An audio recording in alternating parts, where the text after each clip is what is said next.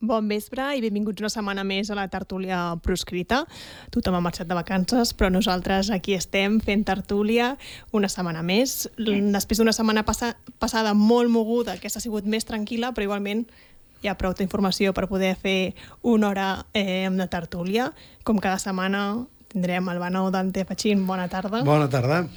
Eh, tindrem a Josep Costa, aquesta vegada des d'Eivissa. Benvingut, Josep. Hola. I afegim a la tertúlia una persona més de, de la casa, la persona que normalment cobreix la informació del que passa al Parlament de Catalunya, l'Odei Echearte. Benvinguda, Odei, a la tertúlia. Hola, què tal? I per intentar parlar entre tots tres d'aquestes coses que han passat aquesta setmana. Per tant, si us sembla, comencem tertúlia una setmana més. Endavant.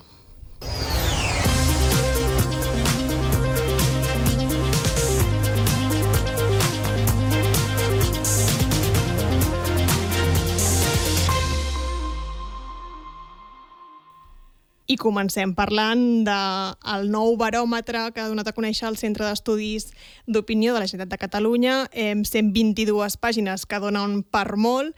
La majoria de gent normalment s'ha centrat en els resultats que preveuen que podrien sortir si ara mateix hi haguessin unes eleccions al Parlament de Catalunya. Potser podem començar per aquí, per aquests eh, resultats, on sembla que el PSC eh, guanyaria les eleccions eh, amb més distància i tot eh, cap a Esquerra i en comparació amb el CEO de l'última vegada eh, Junts i Comuns pujarien una mica encara que tot es mantindria bastant com estava, no, Udei?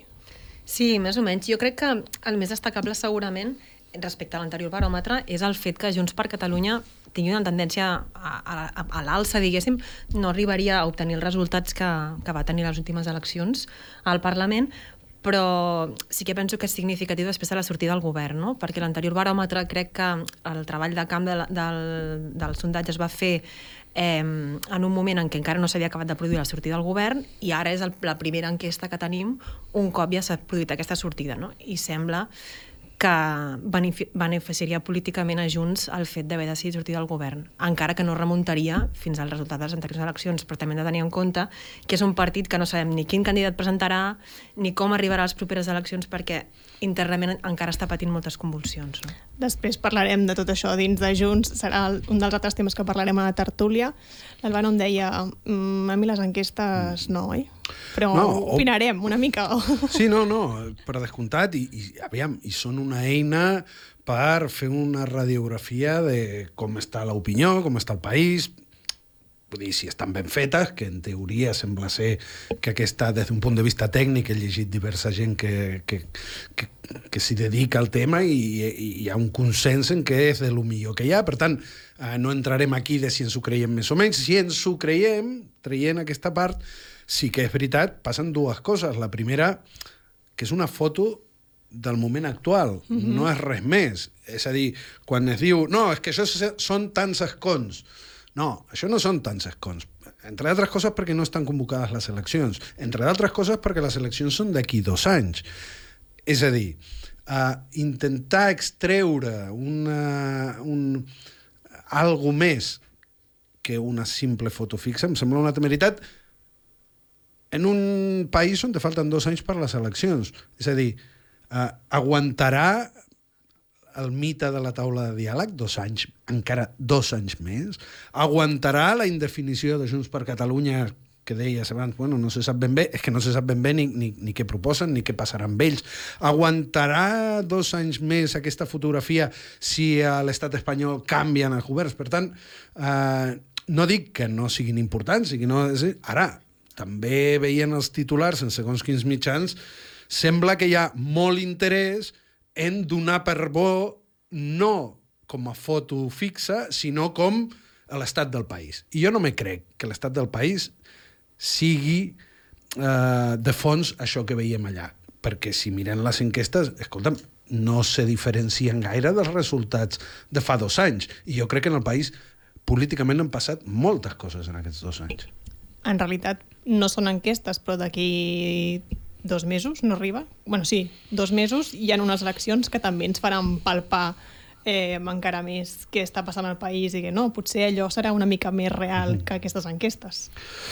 Bueno, clar, també és veritat que les eleccions municipals tenen les seves pròpies dinàmiques i, per tant, no m'atreviria... Mira, no diré, no diré a qui voto ni què faré en el meu poble, a més, si jo tinc la sort de no haver de votar a Barcelona, uh, però el que faré en el meu poble uh, no té gaire a veure amb, amb, el que, amb el que penso de la política autonòmica. Vull dir, per tant, imagino que com jo, moltíssima gent. Per tant, agafar que m'imagino que la nit de les municipals pues, els que puguin extreure algun... posar-se uh -huh. alguna medida se la posaran, òbviament, però, però bé, jo crec que per les autonòmiques falten dos anys. Josep, tu que fa, no fa tant estaves en aquest Parlament, com veus aquestes, aquest baròmetre? Bé, jo crec que, que la notícia segurament és l'estabilitat, no? De que que, que no es detectin canvis significatius en, en tot el que és l'evolució de l'arc parlamentari malgrat tot el que ha passat. No? S'ha fet un govern, s'ha trencat aquest govern, s'ha fet una taula de diàleg, s'ha consumat, diguéssim, els resultats d'aquesta taula de diàleg, que són, diguéssim, qualsevol cosa menys el que s'havia promès, etc etc. Per tant, eh, jo crec que és, són, eh, és una enquesta que pot detectar l'estat del, del, de la qüestió en aquests moments, però bàsicament eh, en unes circumstàncies en què la gent està bastant desconnectada. Jo crec que eh, el, fins que no hi ha ambient d'eleccions, fins que la gent no es connecta una mica a veure qui es presenta, a veure quins, quines, quins programes, quines propostes es fan, eh, les enquestes no detecten moviments molt grans. Jo crec que sí que és significatiu, per exemple, Eh, respecte de qui governa, perquè qui governa sempre és més visible i la gent més o menys l'identifica i d'alguna manera se suposa que qui està governant es tornarà a presentar més o menys per defensar el que ha fet. Eh, en aquest sentit seria notícia que, que Esquerra estigui evolucionant a la baixa malgrat governar en solitari, amb tota la potència dels mitjans i amb tota la campanya permanent que estan fent, no? Um, les altres opcions que pugui haver-hi, com ja s'ha dit, uh, Junts no, no en sabem res de, de, de, de, de què volen ser les pròximes eleccions. Per tant, uh, és lògic que no, que, que no, no, no, no sigui fiable la, la dada que hi hagi d'aquest partit. Mm, de fet, jo, del que recordo de la política catalana, és que sol eh, quan no hi ha eleccions, les enquestes solen anar bé per Esquerra i malament per Junts. Però, vull dir, a les pròximes eleccions no sabem ni quan seran. Vull dir que és, és tot una mica un, un test molt superficial ara mateix. És veritat, no?, que les últimes eh, eleccions sempre junts els hi pronosticava bastant mal resultat les enquestes. Sí, però al final, si no m'equivoco, ja es, es veia bastant un triple empat en les últimes enquestes. Ja apuntava aquesta, aquesta línia i, de fet, al, al final es va complir perquè va, va anar d'un escó al final, no? Empat de PSC i Esquerra i un escó menys eh, junts. Vull dir que en aquest cas, almenys pel que fa a aquestes tres forces, les últimes enquestes a les catalanes, les darreres, sí que van apuntar una mica aquesta tendència. Jo vaig mirar, no el CEO, vaig mirar el CIS, eh, que és el, el que fan a, des de l'Estat. Els veïns. I, eh, i pel 14F, eh, amb Esquerra ho va encertar prou bé, amb una diferència crec que d'un 1%. A Junts per Catalunya sí que eh, li van donar un 14% i em sembla que va acabar sent un 20 i algo, per tant allà sí que va haver-hi un, un error, diguéssim, una diferència. Ara, aquest 1% que després ballava és que, que això és un altre.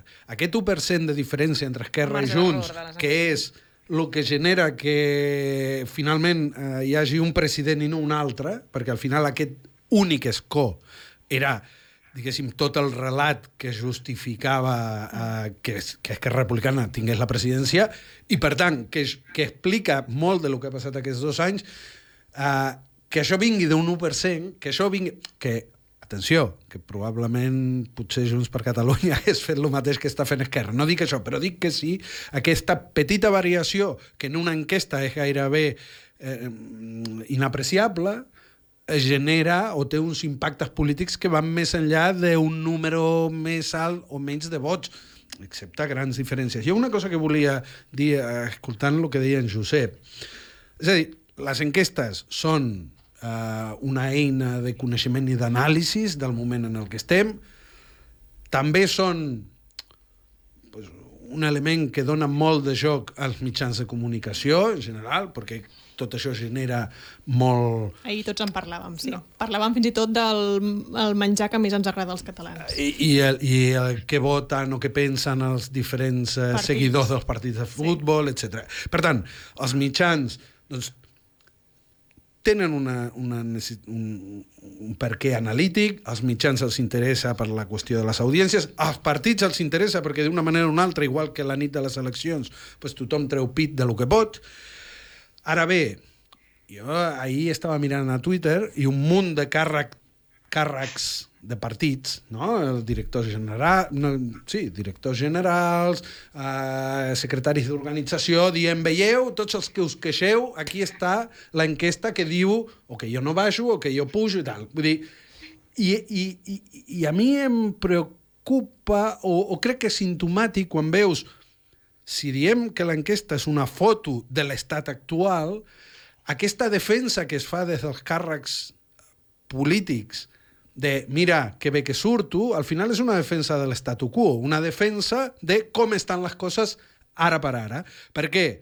Perquè amb això a mi em permet desins- desincentivar a qui les vol canviar. Jo, si, si sortís, eh, jo què sé, que el PSC té el 70% dels vots, bueno, molt bé, però jo treballaré perquè en tingui el 30%.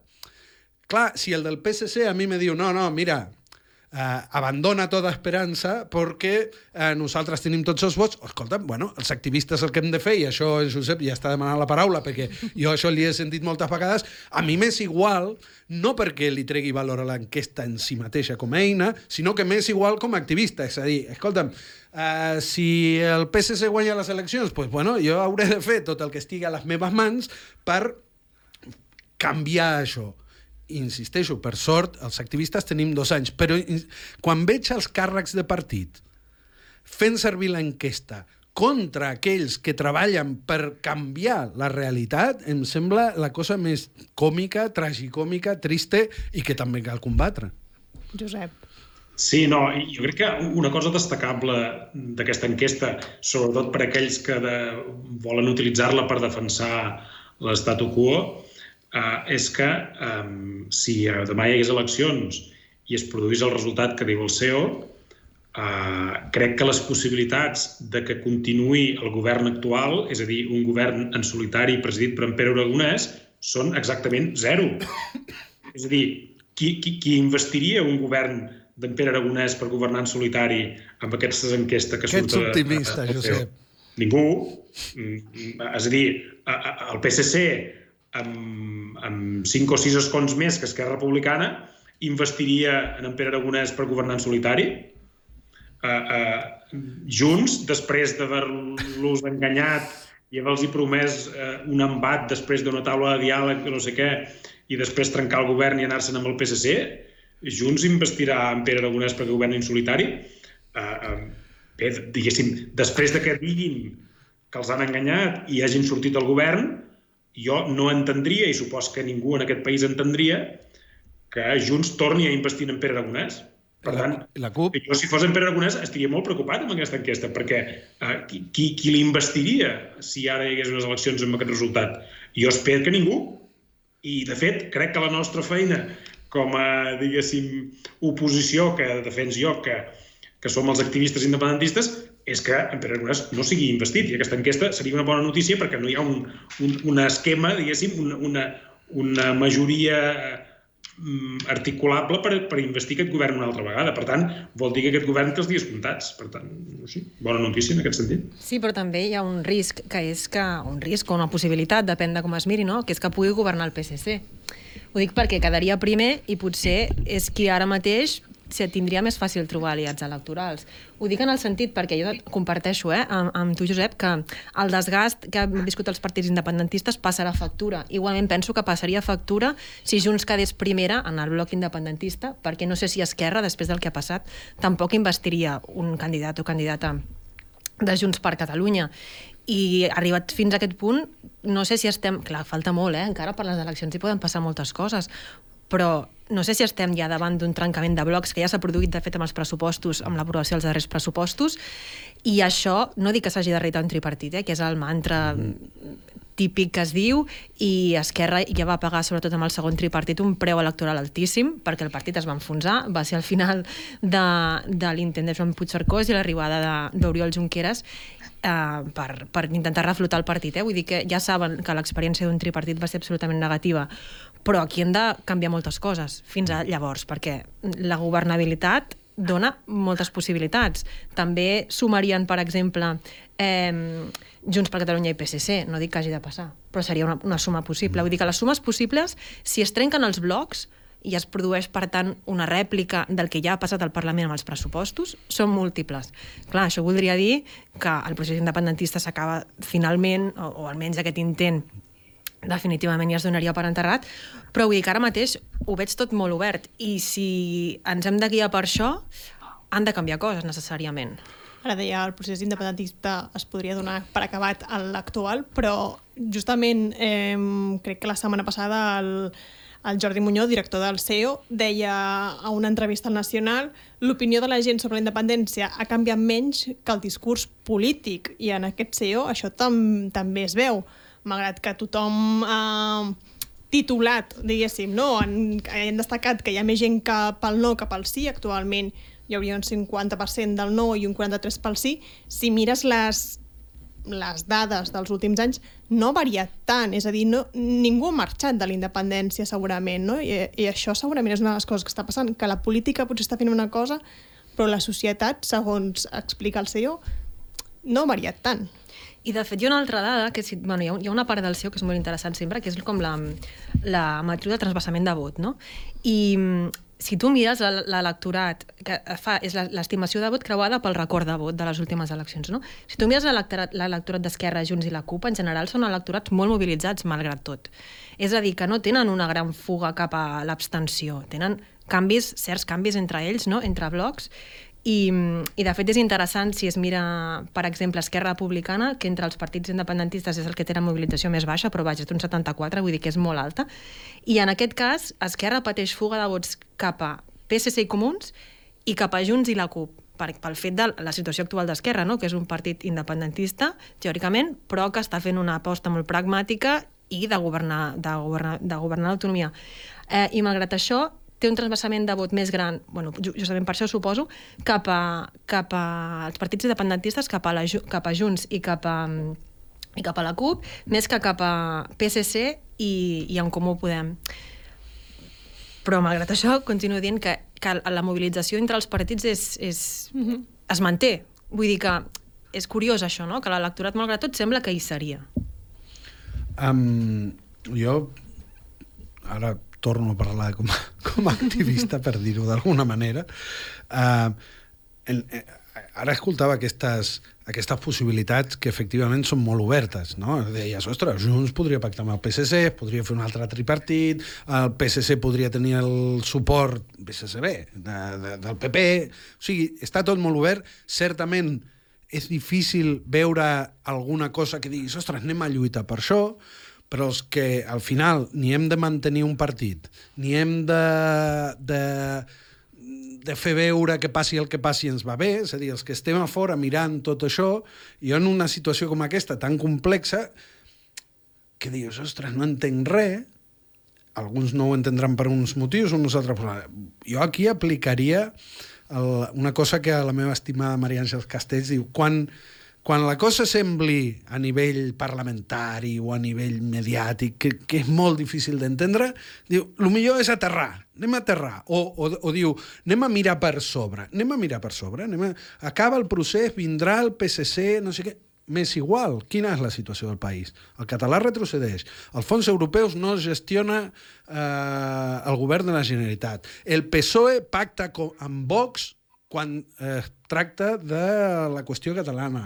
Eh, les infraestructures i les inversions no arriben. Tot això que va, don, que va ser el que va donar inici o, o, o que va ser el motor de, del procés independentista d'aquestes últimes dècada i mitja, tot això continua intacte si no és que s'ha agreujat. Per tant, ja s'ho farà Junts, ja s'ho farà la CUP i ja s'ho farà Esquerra per, perquè facin el que facin, la realitat segueix sent exactament la mateixa. I el PSC segueix tenint la mateixa solució per tots aquests problemes, que és cap solució. Per tant, eh, que facin el que vulguin. És que crec que al final tots el, els milions de persones que durant anys se van mobilitzar, la gent que es va eh, arriscar per fer un 1 d'octubre, la gent que va eh, manifestar-se pels presos, tota aquesta gent al final, òbviament, veiem tot això, no entenem ben bé res, la gent que fa l'anàlisi veu que hi ha un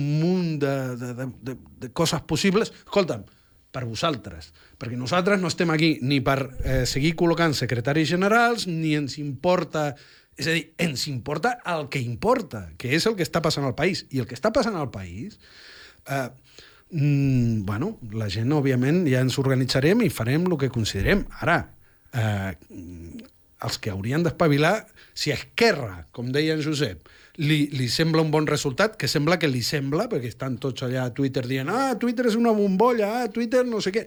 Si els hi sembla bé, millor per ells. Si a la CUP li sembla bé tenir un o dos eh, diputats més, doncs pues, molt bé. I si Junts es pensa que per pujar una mica, perquè no sé què, amb això n'hi ha prou, per donar resposta al que està passant al país, pues ja s'ho faran, però nosaltres haurem de, com diu en Josep, convertir-nos en oposició a, a aquesta cosa.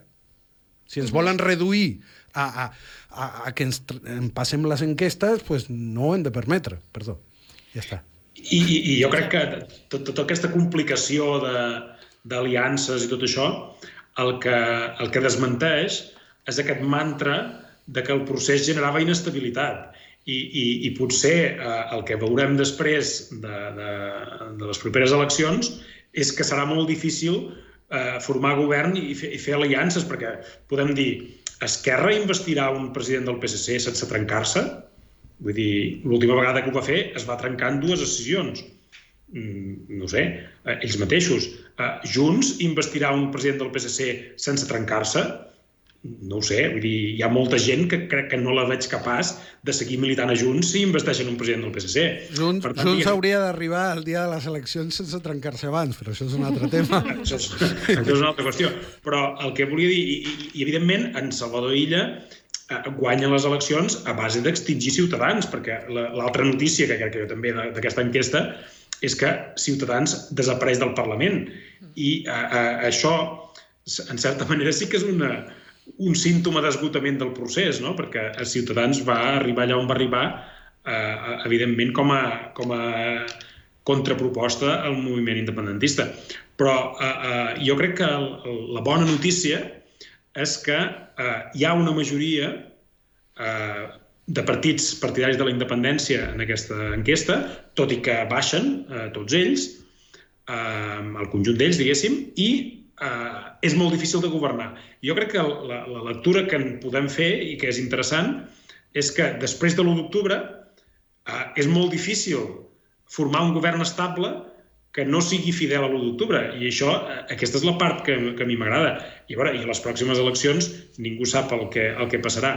Però que hi hagi una majoria independentista i que, per tant, un govern unionista sigui, en principi, eh, descartable, eh, eh, fa que eh, bé, la gent que estem aquí bàsicament defensant l'1 d'octubre, malgrat que molts han desertat, eh, tinguem una certa esperança de que no els hi va tan bé no? aquest retorn a l'autonomisme, a l'estabilitat autonomista que simbolitzaven no? fa, fa uns mesos, eh, eh, eh, ho simbolitzaven amb aquesta idea de que per primera vegada en molts anys havien aconseguit aprovar el pressupost autonòmic abans de l'1 de gener i que l'1 de gener ja entrava en vigor un nou pressupost autonomista. Bé, els hi va durar un, un any, això. L'any següent ja no, ja no es va repetir. Per tant, aquesta estabilitat autonòmica que molts volen recuperar, la bona notícia pel, pels independentistes eh, és que no existeix ni existirà. Eh, ahir Vicent Pardal feia una pissarreta d'en Pardal analitzant aquest CEO i analitzant sobre la independència que deia aquest CEO i vaig trobar un tros interessant. Si us sembla, mmm, l'Aleix ens el posa. Un canvi que sí que és important és eh, com s'està com, com està canviant dins dels partits polítics el nivell d'independentisme. Um, concretament, uh, a la pregunta de què voldríeu que fora a Catalunya, un 85% dels votants de Junts diuen que voldrien que fos un país independent i un 83 dels votants de la CUP, que serien les dues xifres més altes, 85 i 83 dels votants de Junts i de la CUP, voldrien que Catalunya fos un estat independent. Però això ja cau, en el cas d'Esquerra, a un 66. I aquesta és una tendència que s'ha observat en els darrers CEOs, com entre els votants d'Esquerra cada vegada n'hi ha més gent que es manifesta partidària, en aquest cas, d'una Espanya federal. Eh, en Comú Podem, com sempre, perquè és la seva tradició, eh, es manifesta a favor d'una Espanya federal i té un 12% d'independentistes i després els altres ja van ja juguen completament a ser part d'Espanya. De nou, però, entre els qui no saben encara quina decisió prendre, un 29% es manifesta a favor de la independència i un 37% a favor de la comunitat autònoma. Per tant, amb totes aquestes dades a la mà, eh, aquesta victòria rotunda del no és una cosa que és eh, més que discutible m'interessava això, els partits. Dins dels partits, eh, qui es considera independentista i qui no. Eh, això en els últims anys, bueno, en realitat és una de les coses que comentaves tu abans, no, Udell? Ha, ha anat variant una mica i potser mm. la curiositat seria aquesta esquerra que sí. passa al 64. Clar, perquè té un 25% no, de lectorat que diu que voldria uh, una, una Espanya federal, no? Sí, realment és curiós. Clar, l'argumentació que fa Esquerra és que això el servirà, diguem-ne, per convertir tot aquest gruix de lectorat en independentista. És la reflexió que ells fan. No sé si realment això ha arribat al, al, al moment, realment seria així, però és veritat que, curiosament, Esquerra Republicana té aquesta part de lectorat molt gran dins seu. Eh, clar, és molt menor, per exemple, a la CUP és, estem parlant d'un 13 i a Junts d'un 12, un 25 en el cas d'Esquerra Republicana. Uh, sí que és curiós també, a banda d'això, no? que, que diu molt també del moment polític que està, que està vivint Esquerra Republicana perquè ha fet una aposta per aconseguir aquest electorat, però això també provoca no, que hagi de ser potser, o que vulgui ser, perquè tot va lligat, no? una cosa porta a l'altra, més moderada en el discurs nacional independentista. Eh, jo volia assenyalar també una cosa molt curiosa, que, que ho deies tu abans i, i també ho deia el Vicent Partal a la pissarreta, no? que és el fet de l'estabilitat de del vot independentista i de com aquest vot, uh, o sigui, en un, en un hipotètic referèndum on, on a l'hora de determinar uh, sí o no a la independència, eh, és més canviant i menys monolític que el no, que està com més estable, no? Això lligaria potser amb la possibilitat que alguns d'aquests que prefereixen un estat federal, no dic necessàriament d'esquerra, però potser també de, dels comuns, a l'hora de, fer, de, de votar en un referèndum es decantarien pel sí o pel no. Però el que és curiós és que quan es va a la, a la gràfica no, del sí no en un, en, a la independència, eh, els valors més alts del sí i més continuats del sí, al, al temps, diguéssim, en què el sí superava el no, perquè ja portem una etapa bastant llarga en què el no supera el sí, va ser justament com segurament l'opció de la independència políticament semblava més viable o més possible. I estem parlant des de l'octubre del 17 fins al març del 19, que és quan feia un any de, del govern de Quim Torra, no? Vull dir que realment, no sé si això es pot, si es pot deduir o es pot extrapolar d'aquí el que diré, però sí que sembla que quan hi ha una possibilitat real de que la independència pugui executar-se, doncs el, el, el sí, diguéssim, ha tingut més possibilitats d'imposar-se, almenys pel que fa a, a les enquestes, eh? en un referèndum de veritat. Josep. I jo crec que aquí el, el, d'aquesta pissarreta hi ha dues dades molt, molt interessants que crec que no ens hauríem de passar per alt. Uh, una d'elles és que el, el, diguéssim, aquesta història d'eixamplar la base que Esquerra ja no fa servir, és a dir, darrerament ja no en parlen, no sé per què, jo crec que potser és perquè s'ha demostrat que no funciona i que no porta enlloc. Uh, bé, de fet sí que porta, porta a recular, perquè la rebaixa del discurs d'Esquerra és el que fa és rebaixar l'independentisme dels seus votants. Esquerra no, ha, no té més votants i per, pel fet de tenir més votants ara en té que són menys independentistes o que no ho són, sinó que el que ha fet és eh, reconvertir alguns dels seus votants en federalistes. Uh, uh, i, I aquest 25% de, de federalistes que ara diuen que votaran a Esquerra Republicana, uh, segons com jo ho entenc, uh, uh, a les enquestes de fa 4 o 5 anys eh, eren partidaris de la independència. Per tant, són, són gent que eh, en, en el global de l'enquesta eh, s'han reconvertit, de, és a dir, és gent que segurament encara vota sí en el referèndum, però que com a primera opció ja no té la independència. I, i, i l'altra dada que crec que jo, eh, eh, crec jo que és molt interessant és el, la barra aquella de la gent que no té partit eh, i que hi ha aproximadament un terç, un terç d'independentistes en, aquest, en aquest eh, apartat de gent sense partit, en els quals jo m'incloc, és a dir, gent sense partit que som independentistes i que estan treballant i lluitant per la independència des del carrer, des de les entitats i des d'allà on podem, però que ara mateix cap dels tres partits no ens representa i que, que en aquesta barra de gent sense partit, de gent que no sap en qui votarà cada les pròximes eleccions, hi hagi una, un, bàsicament un, un terç d'independentistes, crec que també és prou significatiu. Això de gent sense partit, eh, justament volia posar sobre la taula un tema que és que aquesta setmana, bueno, diumenge passat va haver eleccions a Andorra, al Parlament d'Andorra, va guanyar Xavi Espot, demòcrates amb majoria absoluta, per tant governaran ells, però va passar una cosa curiosa en aquestes eleccions, que és que fa vuit mesos va néixer un partit que es diu Concòrdia, gent jove de 30 anys que no s'havia presentat mai en política i que decideix fer un pas i dir eh, anem a crear alguna diferent, anem a crear un partit nou han aconseguit ser la segona força. És a dir, abans deies que en dos anys poden canviar moltes coses. Mm -hmm. Això és una cosa que podria passar? Hi ha algunes coses que segurament canviaran, jo abans deia la possibilitat de que canvi el govern a l'Estat, la possibilitat de que el PSOE continuï la seva deriva cap a l'ultradreta, perquè ahir veiem Pedro Sánchez dient que Meloni era magnífica. Eh, estan dient no, però és que són coses dels estats. Podria haver fet exactament el mateix sense aplaudir a l'extrema dreta italiana. Però bueno, és a dir, poden passar una sèrie de coses que no estan a les nostres mans i això influiran en d'aquí dos anys. Després hi ha altres coses que sí poden que, que sí depenen de lo que, de lo que fem i de lo que eh, treballem. Jo abans deia, bueno, els activistes hauran de fer el seu activisme per tornar a posar sobre la taula certs debats que ara sembla que no hi són i tal. I una de les coses que, bueno, de fet és que Republicana neix una mica, tu ara deies, aquesta gent fa vuit mesos no existia i de cop eh, hi ha un esclat i existeix en Andorra. Bueno, eh, la història està plena de moments com aquests on en, en poques setmanes canvia el panorama de dalt a baix, però no canvia perquè sí, i no canvia amb, amb la ciutadania com un subjecte pacient, no? sinó que de vegades la gent fa coses, no? Uh -huh. i des del 15M o l'aparició la, la, de Podemos uh, o, o, o factors externs, com va ser la, la, la victòria de Zapatero no? contra Aznar. Vull dir, que quan jo deia abans, reivindicava la capacitat més enllà de la foto fixa, em referia a coses com aquesta, no? la d'Andorra.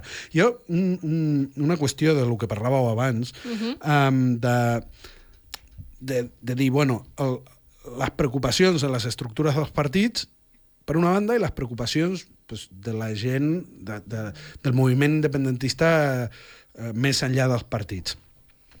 L'exemple aquest de que gairebé un 40% de l'electorat d'Esquerra Republicana no aposta per la independència, no? un 64... Se... Un 25 és. Sí, però els, els que volen estrictament... La, la, els que volen la independència, 66. Vale. Això vol dir que hi ha 3 i mig de cada 10 votants d'Esquerra que per les raons que sigui doncs no, no s'expressen obertament en aquest sentit. Això és un problema dels, eh, dels dirigents d'Esquerra, no un problema meu. M'explico? És a dir, si tu eh, comandes una nau política que és Esquerra Republicana i que a la seva fila té més del 30% dels votants que mm, bueno, eh, serà el seu problema, serà la seva capacitat de, de manegar i de fer equilibris. Tu abans deies, bueno, mm, clar, uh, això és gent nova que tu has incorporat o és gent que et condiciona el discurs i fa que rebaixi el teu discurs? I aquí està la, la qüestió. Aquests federalistes... Qui converteix aquí? Esquerra convertirà a aquesta gent que no aposta definitivament per la independència o aquesta gent que entra com a votant farà que Esquerra Republicana rebaixi? Em sembla que està passant això últim, perquè uh, la renúncia a l'1 d'octubre com, a, com a concepte té a veure, i a més ens ho han dit, ens ho ha dit la Marta Rovira i ens ho han dit molta gent d'Esquerra, de dir, ei, potser hem espantat a la gent. Doncs pues ara no espantar la gent té a veure amb això, amb haver de gestionar una bossa de vots que és molt heterogènia i que, i que, i que no està absolutament centrada en allò que va fer que la gent anés a votar l'1 d'octubre. I acabo. Uh, aquests federalistes que estan per allà al mig, en una situació de referèndum aquesta ampliació de la base funciona deixant tu els teus posicionaments radicals i descafeinant o viceversa. Jo recordo que l'1 d'octubre jo estava en una formació que bàsicament va néixer amb la idea del federalisme i tot, tot plegat. I jo el que vaig veure allà dintre és que molta gent que mai ho haguessis dit, quan va arribar l'1 d'octubre, va anar a votar i va votar que sí. És a dir, l'eixamplament al final, com a mínim el que jo vaig veure i, i vaig veure al meu entorn, és ostres, quan es fan les coses de debò, quan se és conseqüent, quan no se intenta estar en missa repicando, pues la gent hi és. En canvi, eh, l'altre em sembla que va cap a l'altre costat i això explica la por a l'hora de defensar eh, la llengua catalana, això explica eh, la por de reivindicar eh, referents de l'independentisme històric. Això explica un munt de coses. Per què? Per no espantar aquesta gent que s'ha apropat. I al final, eh, els que eixamplen la base són eh, els federalistes i no els independentistes. Josep, crec que volies afegir alguna cosa. Sí, no, jo, jo crec que el, el fenomen aquest d'Andorra el, que, el que ens recorda és que fins que l'oferta política no està conformada, eh, no es pot preveure com aniran les eleccions, no? I, i, i sobretot que, que quan apareixen eh, quan es detecta, diguéssim, una demanda nova i apareixen ofertes per, per donar-li resposta, doncs poden produir-se canvis importants. Jo crec que en, en el... Ara tenim unes municipals que ja estan convocades pel dia 28 eh, de maig. Eh, en funció de com es llegeixin aquestes municipals, eh, això tindrà un impacte en la política nacional. I després hi haurà la, la, les eleccions espanyoles i tot el, el que en resulti després, si hi ha negociacions per investidura, si es aconsegueix eh, en Pedro Sánchez mantenir-se, si hi ha canvi de govern, tot això tindrà molt d'impacte. Jo crec que ara mateix és probable que, eh, ja ho ha dit Albano fa un moment, que un dels factors que més pugui sacsejar el mapa polític català, que com dèiem abans, ja hem comentat, està mm, prou estable, un dels factors que podria desestabilitzar més aquestes aigües estancades seria un canvi de govern a Espanya eh, cap a un govern eh, més extremista. I, per tant, eh, bé, tot, tot això que, que puguem ara eh, analitzar està pendent d'això i, eh, evidentment, el canvi de circumstàncies, el canvi d'ambient polític, el canvi de demandes polítiques, és sempre eh, una oportunitat per opcions noves i per opcions eh, trencadores, perquè jo crec que la notícia també d'aquesta aquest, eh, nova opció andorrana és que no és només que siguin gent jove i que venen de fora de la política i tal, sinó que també proposen coses que eh, fins ara eh, van més enllà del, del que era la política tradicional. No? Parlen de la, de, obertament a favor de l'avortament, a favor de, diguéssim, d'un cert eh, eh, control de, de, del creixement, no? de, de, de del tema turístic, del tema urbanístic, totes aquestes problemàtiques que tenen a, a Andorra com a altres zones de, del país i, per tant, eh, vol dir que estan donant resposta a, una, a un corrent de fons que hi ha en el país que això eh, l'important és saber-ho detectar, no? I quan ho detectes eh, sempre pots eh, introduir en el mapa polític aquest tipus de, de canvis que, que es deriven d'opcions de, de, de, noves, de, que la gent ja no se sent representada pel que hi ha i, i aposta per una, per una opció nova una cosa curta que hem de canviar de tema. Molt, molt breu. Abans eh, jo he fet desment, i també ho ha fet eh, Josep, aquesta idea de quin impacte pot tenir en, en, en, la, en la qüestió electoral catalana el que passi a l'Estat. No? I tu deies opcions més extremistes. I tots hem pensat PP i Vox. Però atenció, un PSOE amb, una, amb un Podemos o Sumar o com es diguin, molt debilitat, pot ser molt extremista, eh? perquè estem parlant del PSOE, de Meloni, estem parlant del PSOE de la Guàrdia Civil, de Marlaska, per tant, atenció, que quan diem més extremista, no, el, eh, eh, des de Catalunya hauríem de tenir consciència de que no, el perill no és només Vox i PP. Vull dir, un PSOE-PSOE pot ser molt extremista i molt més del que hem estat veient que malgrat el blanqueig segueix sent prou extremista des del moment en què hi ha un senyor com Marlaska eh, com a ministre. Hi haurà un dia que ho suposo que haurem de parlar de tot això de, de sumar. Quina perquè... mandra, no?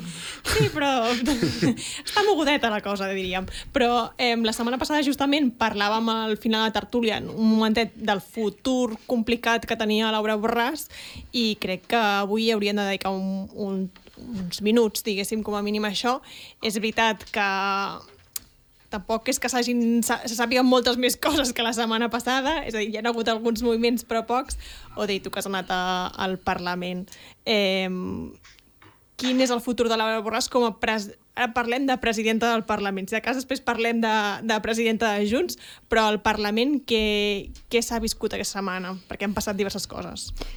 Aviam, jo crec que el que hem de veure ara és uh, si la Junta Electoral actua amb rapidesa o no, que és el que, no, la, la principal incògnita, perquè quan es mogui el recorregut que té això és pràcticament automàtic, vull dir que uh, Laura Borràs perdrà l'escó i per tant perdrà la presidència del Parlament. Um, ja vam veure el que va passar amb el president Quim Torra, amb Pau Jubillà, està tot escrit per dir-ho així, no? I a més, eh, la sentència justament d'ahir, bueno, el rebuig de, del recurs que havia presentat el Pau Jubillà al contenciós administratiu reforça aquesta idea que la Junta Electoral tindrà la potestat per retirar-hi l'escó sense més problema, eh, almenys pel que farà la legalitat espanyola, eh, i per tant això és inexorable i passarà. S'ha de veure si en paral·lel a això el PSC, abans que actuï la Junta Electoral, aconsegueix que aquesta seva proposta de reformar el reglament del Parlament eh, tira endavant. Tot i que ho té molt complicat, no? el PSC ha volgut fer una mica aquesta jugada eh, per intentar guanyar una majoria alternativa, per dir-ho així, perquè entenc que això només tindria sentit que tirés endavant si les, els grups polítics ho tiren endavant, pacten una presidència alternativa, perquè si no, mm, per si sol el mecanisme no li veig gaire sentit. També tenim el Josep Costa, no? que, que ell sap el que significa reclamar el reglament, eh, reformar el reglament del Parlament i ara estaríem davant d'una reforma hiperexpress només per, per això que Junts per Catalunya ha qüestionat molt. No? Però estem en aquests dos tempos, no? Um, aviam què, què, és el que passa, què és el que passa abans.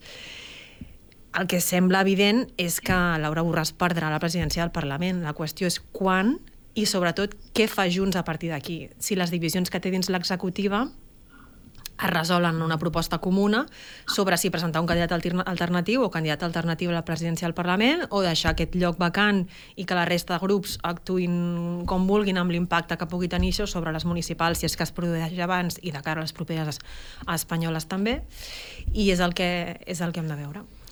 Eh, Josep, Ara, sí. lo, de Yuba ho ha dit, tu ho vas viure amb Quim Torra estant a, a la mesa. Uh, això del, de, aquests dies veia que hi havia gent que deia que el fet que la Junta Electoral potser estigui molt centrada en les eleccions municipals, etc que potser podria fer que aquesta vegada no fos tan ràpida la decisió. No sé si, si en saps alguna cosa. No, jo, el que m'ha arribat és que a la reunió de la setmana passada eh, es va intentar, no, Ciutadans i PP i això van intentar d'introduir-ho eh, in extremis i no ho van aconseguir. El fet de que ara hi hagi eleccions eh, crea una nova circumstància, que és que a banda de la Junta Electoral Central hi ha també eh, les juntes electorals provincials. Uh -huh. I en el cas del president Torra va ser, eh, mm, el procés va començar a la Junta Provincial de Barcelona i després va anar a la Junta Electoral Central. En canvi, amb en Pau Jubillà no hi havia juntes provincials i ho va fer la Junta Electoral Central directament. Per tant, ara, per mi la incògnita que hi ha en aquests moments a nivell de tempos és si això eh, eh, eh, s'ho passen d'un lloc a l'altre i primer ho envien a la Junta Provincial abans de resoldre la Junta Central però evidentment, eh, eh, com, com ara recordava no d'ahir, eh, eh, va sortir la sentència d'en Pau Jubillà, jo crec que no és en absolut casualitat que hagi sortit aquesta setmana, eh, eh, és per d'alguna manera recordar que, que aquest tema està damunt la taula. I, i per tant, com que ningú, tampoc na Laura Borràs, no ha ofert eh, una alternativa eh, que defensi la sobirania al Parlament perquè no es produeixin aquestes eh, retirades de credencials per part de la Junta Electoral, és evident que és qüestió d'hores o dies que la Laura Borràs deixi ser diputada i, i per tant, presidenta. I, i no, no, jo crec que, en certa manera, potser eh, és que com que veuen el sainet aquest de les reformes del reglament i, de, i, i tot el que s'està produint ara, és dir, potser estan mirant-s'ho amb crispetes eh, mentre tot això que està passant, però realment tota aquesta gesticulació és perfectament inútil, perquè, perquè quan la Junta Electoral contesti els escrits de PP, Ciutadans i Vox, eh, la resolució només pot ser una. Ara potser diré una cosa que no està ben dita, però en realitat eh, Laura Borràs va ser qui va haver de decidir eh, què feia amb Jubillar. D'alguna manera, manera, la decisió que va prendre en aquell moment ara dificulta que, és que no es pot prendre una altra amb, amb ella? Bueno, ja... No digues, digues. No, no, que ja potser eh, tot això que estem visquent, que ara parlàvem de que també va passar amb Torra i que va passar... Eh, en relació a Laura Borràs, tot això ens porta, diguéssim, a aquesta mena de pecat original que és... Jo, sincerament, i, i jo quan passava lo de Pau Juvillà dic, eh, si es constata que la presidenta del Parlament com a institució no té el suport del Parlament per fer algo que era central en la seva presidència, que era defensar eh, l'escó de Pau Jubilià, i, i, i la presidenta continua sent presidenta, doncs llavors eh, aquí hi ha un, una manca de contundència, i, i estic dient manca de contundència d'una persona que simbolitza i que crec que a més ho ha, en, en, en, molt, en molts àmbits ho ha, ho ha exercit, que simbolitza no, aquest, aquest plantar-se davant l'Estat eh, d'una batalla i tal. Ara, eh, en el cas de Jubillar, jo pensava, ostres, ah, en el moment que se sàpiga que Pau Jubillar se'n va, sabrem que eh, Laura Borràs se'n va. Clar, quan, quan no hi ha això, quan venim d'allà, després és molt més difícil. I ara, ara què? I a mi, crec que és la següent part del debat, és, vale, aviam què passa amb Laura Borràs, però efectivament la pregunta és, que ja ho parlàvem amb el tema anterior, què passa amb Junts? Uh -huh. Perquè, clar, uh, Laura Borràs es pot resistir molt, però tots sabem que hi ha una part important de Junts, no sabem com és de gran, però que eh, té les mateixes ganes que Esquerra Republicana de treure's Laura Borràs de damunt. No? I, per tant, Laura Borràs com la, la, la, el símbol d'aquesta possible, diguéssim, regeneració de Junts, no? perquè Junts no acabi sent la convergència de sempre, eh, pues, eh, aquí sí que li veig interès en veure què passa, no? de veure si efectivament, insisteixo, i, i poso Twitter perquè a mi m'agrada com a espai de, de batalla, no? Uh, veia un munt de càrrecs d'Esquerra Republicana assenyalant que Magda Uranic i que Artur Mas i no sé què eh, estaven en contra de que Borràs continués, no? I dius, ostres, els d'Esquerra, que culpen a Junts de ser Convergència, esgrimeixen com a bandera de que ells tenen raó, a, a, la, a la més vella convergència que un es pot imaginar. Per tant, està molt entretingut el, la qüestió. Avui ho deia, precisament publicaves a VilaWeb eh, un tema sobre això, no? que Borràs es podria trobar en minoria a la Comissió de Garanties de Junts, o ja amb Magda Uranic. Sí, clar, el tema de la Comissió de Garanties ha sortit com, no? ha tingut aquesta importància sobretot per les declaracions de, de Magda Uranic, però de fet ja des de la reforma de, de la ponència organitzativa que es va fer en l'anterior congrés, eh, ja va quedar clar allà que la Comissió de Garanties seria qui havia de decidir si era l'ofer o no el cas de, el cas de Borràs, perquè és en general en els casos per, per corrupció, si no són l'ofer, eh, en el cas de sentència ferma, no? quan, quan hi hagués sentència ferma. Eh, els estatuts també preveuen que hi, hi pugui haver suspensions eh, automàtiques temporals mentre hi hagi doncs, un processat o un processada per, per, per corrupció, sempre que no sigui lawfare, i la Comissió de Garanties no s'ha mogut en el cas de Borràs perquè no hi ha, no hi ha hagut ningú que els hagi requerit a fer-ho, no? i ells no actuen d'ofici, sinó que es mouen uh, a l'hora d'actuar. Haurem de veure si en aquest interval de temps, des d'ara fins a que hi hagi sentència ferma, um, algú es mou perquè la Comissió de Garanties es pronunciï o no, i si no, ho faran quan hi sentència ferma. Però el que és rellevant aquí és aquest equilibri no? de, de la composició de la Comissió de Garanties, que sembla clar que el posicionament de Laura Borràs està en minoria, o podria quedar en minoria. Um, al final, tot podria canviar perquè si hi hagués una executiva que li donés suport 100% o majoritàriament, això aniria a l'executiva després i l'executiva podria salvar-la, entre cometes. No? La, la qüestió és que sabem que també l'executiva està dividida pel que fa a aquesta, a aquesta qüestió. Per tant, no ho té fàcil Laura Borràs, però també caldrà veure si hi arriba, hi ha un acord polític, diguem, que fa que tot el, el partit eh, vagi en bloc davant del perill evident que hi hagi un trencament que faria que segurament tots els sectors acabessin perdent, no? Llavors hauria de veure si el, el, el mal menor, diguéssim, mm. s'imposa o no. Uh, perill per qui? Respecte a què? No, deies uh, el perill del trencament. I jo em pregunto, sí. perill per qui? És a dir, uh, òbviament, el concepte d'unitat tots el tenim incorporat com que millor junts que separats. Això... Mm -hmm.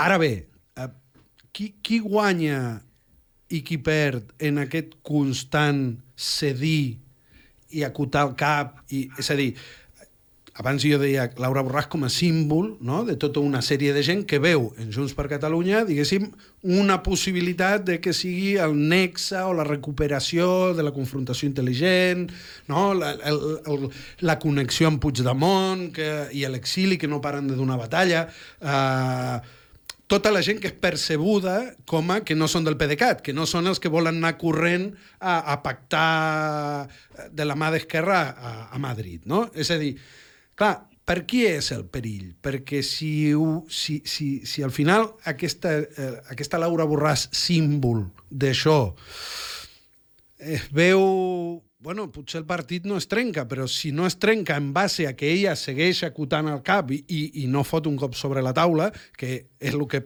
crec jo, i òbviament això hauria d'haver fet quan Pau Jubilà de dir...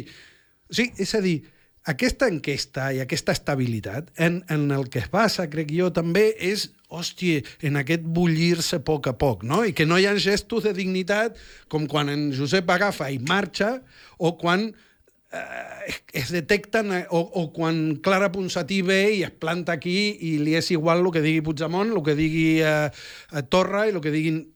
M'explico? És, mm -hmm. és a dir, la necessitat...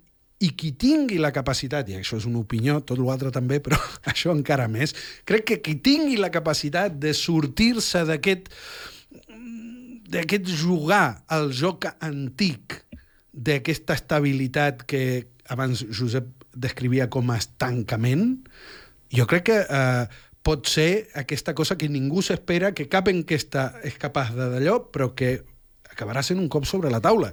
I si no ho fa Laura, pues, ho haurà de fer bueno, algun altre. El problema és que... El problema, no, el problema és igual, eh? Però vull dir que Laura Borràs, com a líder política elegible, està morta, per dir-ho així. No, no, ho dic, no ho dic per res més, no. sinó perquè ha estat inhabilitada per, de 13 anys. Sí que potser alguna instància superior de la legalitat espanyola, mm. Tribunal Suprem la podria absoldre, mm. però vaja, mm, sembla difícil vista la duresa de la, de la duresa de la sentència i en qualsevol cas ni que es produís aquell indult que se li ha mm. demanat per no entrar a la presó la inhabilitació, propi, la inhabilitació es manté per tant, bueno, podria exercir un lideratge diferent però aquest en concret l'electoral no el pot exercir. Vale, per això jo abans reivindicava la capacitat de mirar més enllà de lo electoral, perquè probablement, eh, bueno, escolta'm, Junqueras està tot el dia donant lliçons i també està inhabilitat i tothom li fa cas, vull dir, bueno, tothom dels seus, no? Per tant, o sigui, confiar més... Per això jo negava o, o posava eh, eh, entre cometes, diguéssim, que lo electoral i, lo, i les enquestes estan molt bé, però al final el país, per sort, és molt més.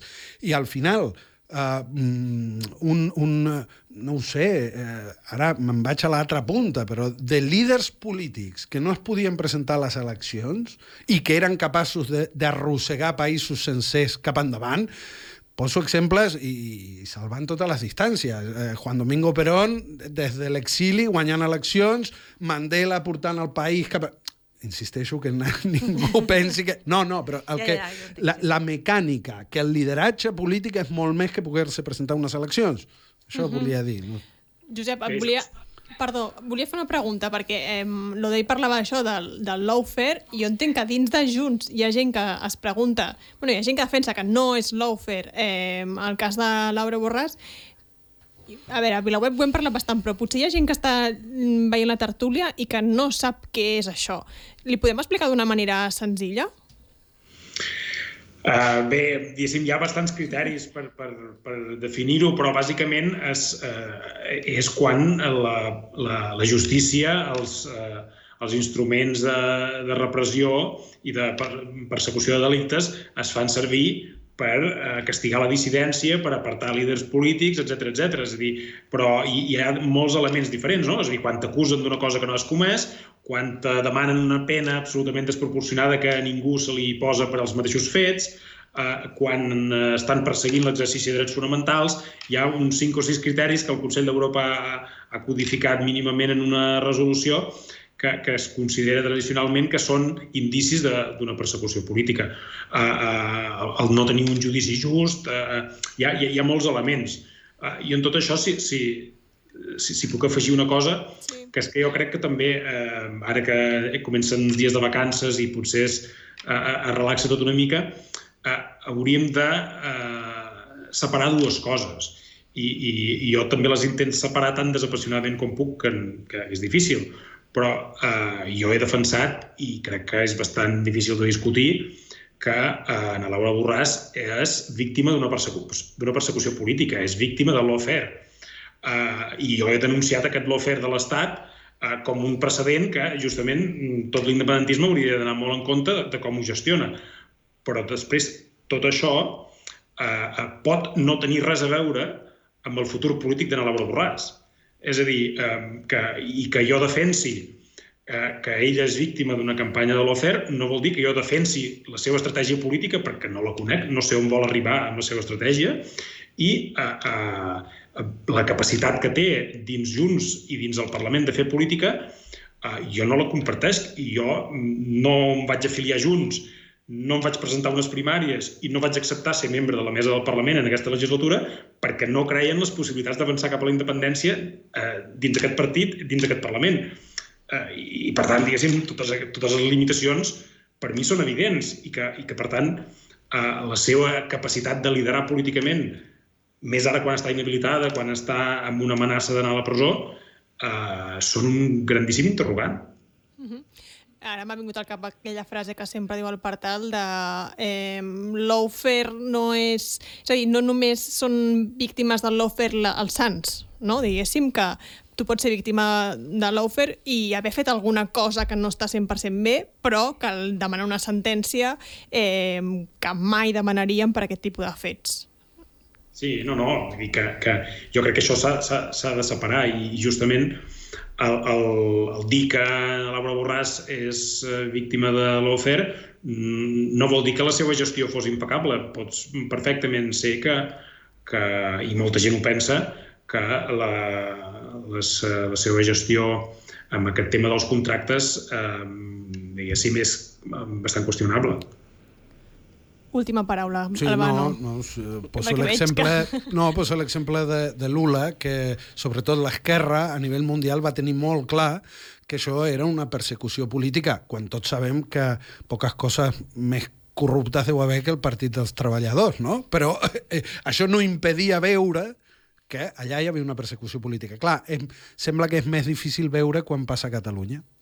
Doncs això és tot per avui. Abans de marxar, això sí, vull dir als Mm, anava a dir lectors, perquè estic acostumada a lectors, però als oients, eh, que, que ja hem obert el, el butlletí de la tertúlia proscrita, que per tant, si us apunteu, cada dijous a la nit rebreu eh, l'avís de que ja ha sortit la tertúlia, no haureu d'estar tan pendents que era una reclamació que ens havia arribat que alguns fèieu, i res, que ens veiem la setmana que ve.